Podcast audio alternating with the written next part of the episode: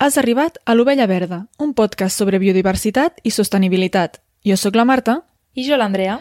Cor de les xiruques, que comencem.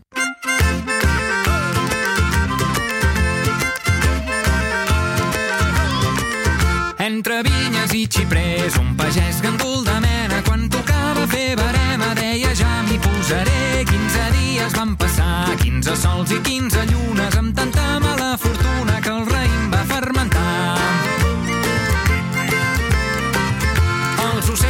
tardor arribaren de la serra i van tastar el raïm de terra, que era vida, l'oi millor per les vinyes i els camins. S'embriagaren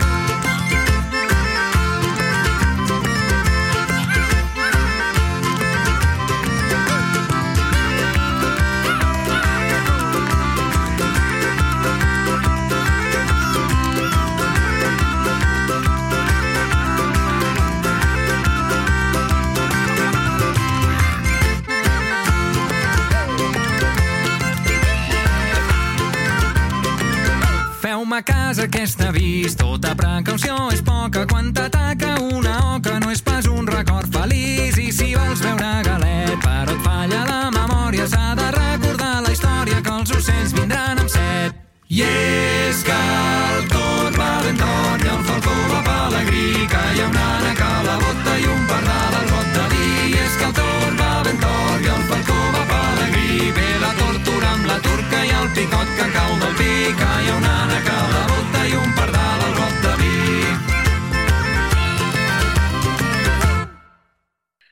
Això que acabem d'escoltar és un pardal al got de vi, una cançó d'un grup que avui portem al nostre programa perquè tenim com a convidat en Guillem de El Poni Pissador. Hola, Guillem. Benvingut. Hola, Benvingut. hola, moltes gràcies. Sou, bueno, heu creat la nova banda sonora de la comunitat ornitològica catalana. Moltíssimes gràcies per aquest disc que es diu Ocells. Eh, bueno, el primer, explicar una mica qui... Eh, bueno, les gràcies i qui sou, qui és el Poni Pissador.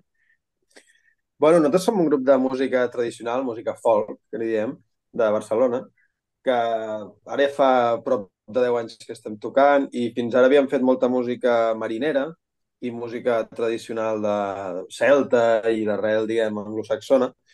I llavors, ar- arrel d'això, vam entrar en contacte una mica doncs, això, amb temàtica marinera, natural, en el sentit des del mar, i vam entrar a través del mar i de, de cançons que parlaven del mar i tal. I mm, quan se'ns va passar una mica la cosa aquesta al mar, ens va quedar encara l'es- l'esperit eh, així com naturalista de, de la vida, no? I llavors vam decidir que doncs, en lloc de seguir tirant cap a cançons marineres, podíem fer alguna més de- d'aquí, de prop, i vam enfocar-ho cap als ocells, que és una, és una part de la, de la natura que ens agrada molt i que s'ha convertit en part de la nostra afició com a grup quan viatgem, perquè sempre ens agrada molt visitar doncs, entorns naturals i el tema dels ocells es presta molt, no? portar uns prismàtics i una càmera i treure fotos xules i llavors, doncs bé, d'una cosa a l'altra va sortir la idea de fer un disc d'ocells i aquí està. Perquè això de veure ocells, hi ha algun ornitòleg a la sala? Sou ornitòlegs, algú de vosaltres? Clar, bueno, quan, Mm, quan sou, el primer? Ah, som cinc, som cinc, Vale. i la veritat és que cap de nosaltres té formació ni, ni científic. Bueno, l'Adrià, el mandolinista, és químic, però la resta som tots més aviat de, de lletres. I llavors, jo sóc el, el que encaixa més amb la cosa de, de ser ornitòleg, però sempre des de la postura amateur, eh? O sigui, jo fa ja quatre anys que surto sovint a mirar ocells i els estudio amb, amb bastanta devoció, però no tinc cap formació, o sigui, no em podria dir ornitòleg, em podria dir aficionat, això sí. Bueno, com nosaltres. Sí, nosaltres tam- també som aficionades. Eh, has aconseguit enganxar a la resta? Tothom s'ha comprat uns prismàtics ja? No, no, no he arribat a tant, no he arribat a tant, però sí Vale. que he aconseguit transmetre, jo crec, una mica, entre tots, hem aconseguit, hem adquirit aquest, aquesta cosa maca, jo crec, de l'ornitologia, que és que no cal ni tenir uns superprismàtics ni anar-te'n als millors spots per veure ocells per poder-ho gaudir, perquè allà on vagis, si aixeques el cap, acabes veient o sentint algun que altre ocell i acaba sempre sent un, un complement xulo a qualsevol viatge o qualsevol sortida que facis. Llavors, amb això sí que ho compartim. El nostre estudi, per exemple, que està al mig de la natura, doncs, de tant en tant canta un ocell i estic comentant això què és, què? o veiem un ocell, això què és? I al final és només posar una mica d'atenció que de seguida acabes gaudint-ho. És una cosa molt xula. Clar, totalment. És el que tenen els ocells, que és com molt fàcil, perquè estan a tot arreu i, i són molt vistosos. Llavors és com Mm. el que primer enganxa, no?, també a la gent, en quant Sí. a temes naturalistes. Us acabareu picant i es compraran tothom prismàtics, jo crec, eh? És que... Passar? És que donen molt de joc, eh? Eso, eh T'estàs més estona, si tens uns prismàtics mirant l'ocell, que sense prismàtics. És molt més entretingut. Al final es, al final es picaran, ja veuràs. Bueno, de fet, jo mateix, eh? jo vaig començar... En realitat vaig començar fa molts anys, eh? i m'agrada molt sortir a mirar plantes, que són més assequibles i més fàcils, Sí, I ja, i, totalment. i ja de seguida doncs, doncs mirava ocells i tal, però a poc a poc es va quedar allà una cosa dintre que un dia em va agafar la dèria. Saps allò que de cop t'enganxes i com que quan de cop veus que pots aprendre els cants, que cada, en funció de l'època de l'any fa una pinta o una altra, i comences a voler saber més i més, per quan te n'has adonat tens un prismàtic, tres guies, una aplicació per escoltar cants, el BirdNet i no sé què, i no te n'has ni adonat i t'has enganxat per complet. Ja estàs, ja, ja no pots sortir, eh? Ja... No hi ha marxa enrere. No. Guillem, com, com neix la idea de fer aquest disc? Bueno, és... Aviam, nosaltres, la paraula, nosaltres sempre hem fet bromes amb els ocells, amb la paraula ocell, perquè ens fa molta gràcia. Entre nosaltres a vegades ens diem, ei, ocell, no? Perquè és, és com una paraula que ens fa, ens, fa, ens fa gràcia, no sé per què. I els ocells en si ens fan gràcia, perquè l'ornitologia té una cosa, és que nosaltres a vegades ho fem amb de broma i sembla que sí per enriure tant. I no és així, que és que, com que els ocells són tan variables, qualsevol descripció que tu li donis a un ocell és sempre... Hi ha algun moment en què no es compleix, m'explico. O sigui, tens casos molt, molt, molt concrets i molt divertits, com l'oreneta cua blanca, que es diu oreneta cua blanca, però té la cua negra, i és que és un nom popular perquè en realitat el que es refereix al carpó, no? que és aquesta part del, de sobre de la cua, del cul, diguem, no? I llavors és com que i quan els explico a a vegades als meus amics, els dic, bueno, l'oreneta cua blanca la pots distingir perquè té la cua negra, no? Llavors, això genera un moment de riure, no? De, de, d'hosti, em, com? O, per exemple, recordo el rossinyol del Japó, que ja li van canviar el nom, però que el rossinyol del Japó ni era família del rossinyol ni venia del Japó, no? Era com un nom que se li havia posat, i llavors la gavina cap negra, no? Sempre hi ha una època a l'hivern que té el cap Ah, blanc. no, sempre Llavors, té, sí, sí. Exacte, ens, ens fèiem moltes bromes constantment. O que hi ha un ocell, hi ha un ocell que es diu gamba i això ho he après gràcies a Twitter, oi que sí? Correcte, correcte.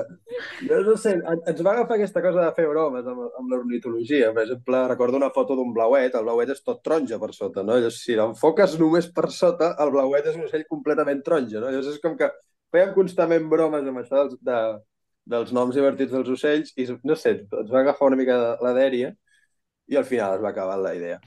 Una mica el que ens va passar també és que hi ha aquesta història que va ser com d'aquelles coses que entren molt fort, que és la història de la guerra a l'Emú, de la qual n'hem fet una cançó, Mm. que era una història tan surrealista, no? que, el, que un exèrcit d'una potència com Austràlia perdés una guerra contra un ocell com l'Emú. Era tan surrealista i demanava tant que algú fes una cançó que va ser com, tio, això dels ocells està guapíssim, anem a fer un disc i ens ho passarem bé.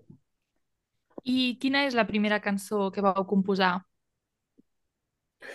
Bueno, és, és complicat, perquè la veritat és que tenia moltes idees d'aquí allò com ja fetes i algunes d'elles estaven molt enfocades a, al tema de, del disc, però altres les hem com mig adaptat. O sigui, teníem, nosaltres en general, quan creem música, pensem més en la part purament sonora, no? De, hosti, aquest, ens agrada aquesta melodia d'aquí, ens agrada aquesta harmonia allà, i després, a l'hora de fer una lletra, a vegades és com, vale, aquest disc de què parla d'això? Doncs ja creem la, lle- la lletra després. Llavors, no és que tinguéssim cap cançó ja creada prèviament, sinó que teníem melodies i teníem doncs, idees que les vam anar omplint de lletres relacionades amb els ocells.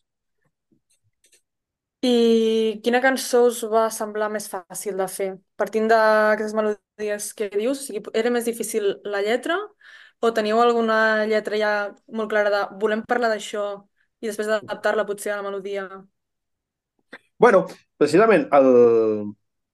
tenim dues cançons eh, que, que han sortit de... Bueno, tenim quatre que han sortit de single, però dos d'aquestes van ser com bastant fàcils. Per una banda, hi ha el, el Manual per identificar ocells, és una cançó que nosaltres hem, ens va sortir molt ràpida, perquè um, hi ha un, un meme que circula per internet d'un tio que diu, oh, jo sóc molt bo identificant ocells. Ah, I l'altre li diu, ah, sí, això què és? I diu, sí, efectivament, és un ocell. Sí, I és totes... el coneixem. Ens encanta.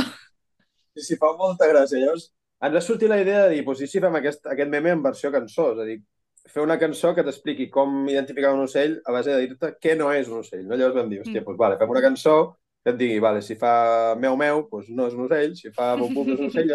Aquesta va sortir molt ràpida i molt de seguida va, ens va enganxar. I l'altra, la del Pardal de Got de Vi, que m'ha escoltat ara, és una cançó que també ve d'un vídeo de Twitter, no sé si l'haureu vist, aquell vídeo de tot de garces completament borratxes perquè han menjat pomes que estan fermentades. Quan, quan cauen de terra les pomes mig fermenten, llavors les garces el piquen i hi havia un mm. vídeo... Ala, aquest, aquest no l'he vist, no l'he vist, però l'he de veure pel que veig. És boníssim, és boníssim. Bueno, això, que, això passa a la natura. També hi ha un vídeo de, no sé, d'on a la sabana, tot d'animals que han menjat pues, això, fruits que han caigut a terra mm. i s'han mig fermentat i estan sí, sí. tots completament borratxos. Però aquestes dos i la de l'EMU són idees que eren molt clares, no? I de seguida va ser com, bueno, doncs anem a trobar una lletra que encaixi en transmetre aquesta idea, aquest esperit, i, i de seguida, bum, sí. aquestes surten ràpides. Altres que són més etèries, doncs ja costa més. Però aquestes tres per mi són les que van ser més directes. Mm -hmm.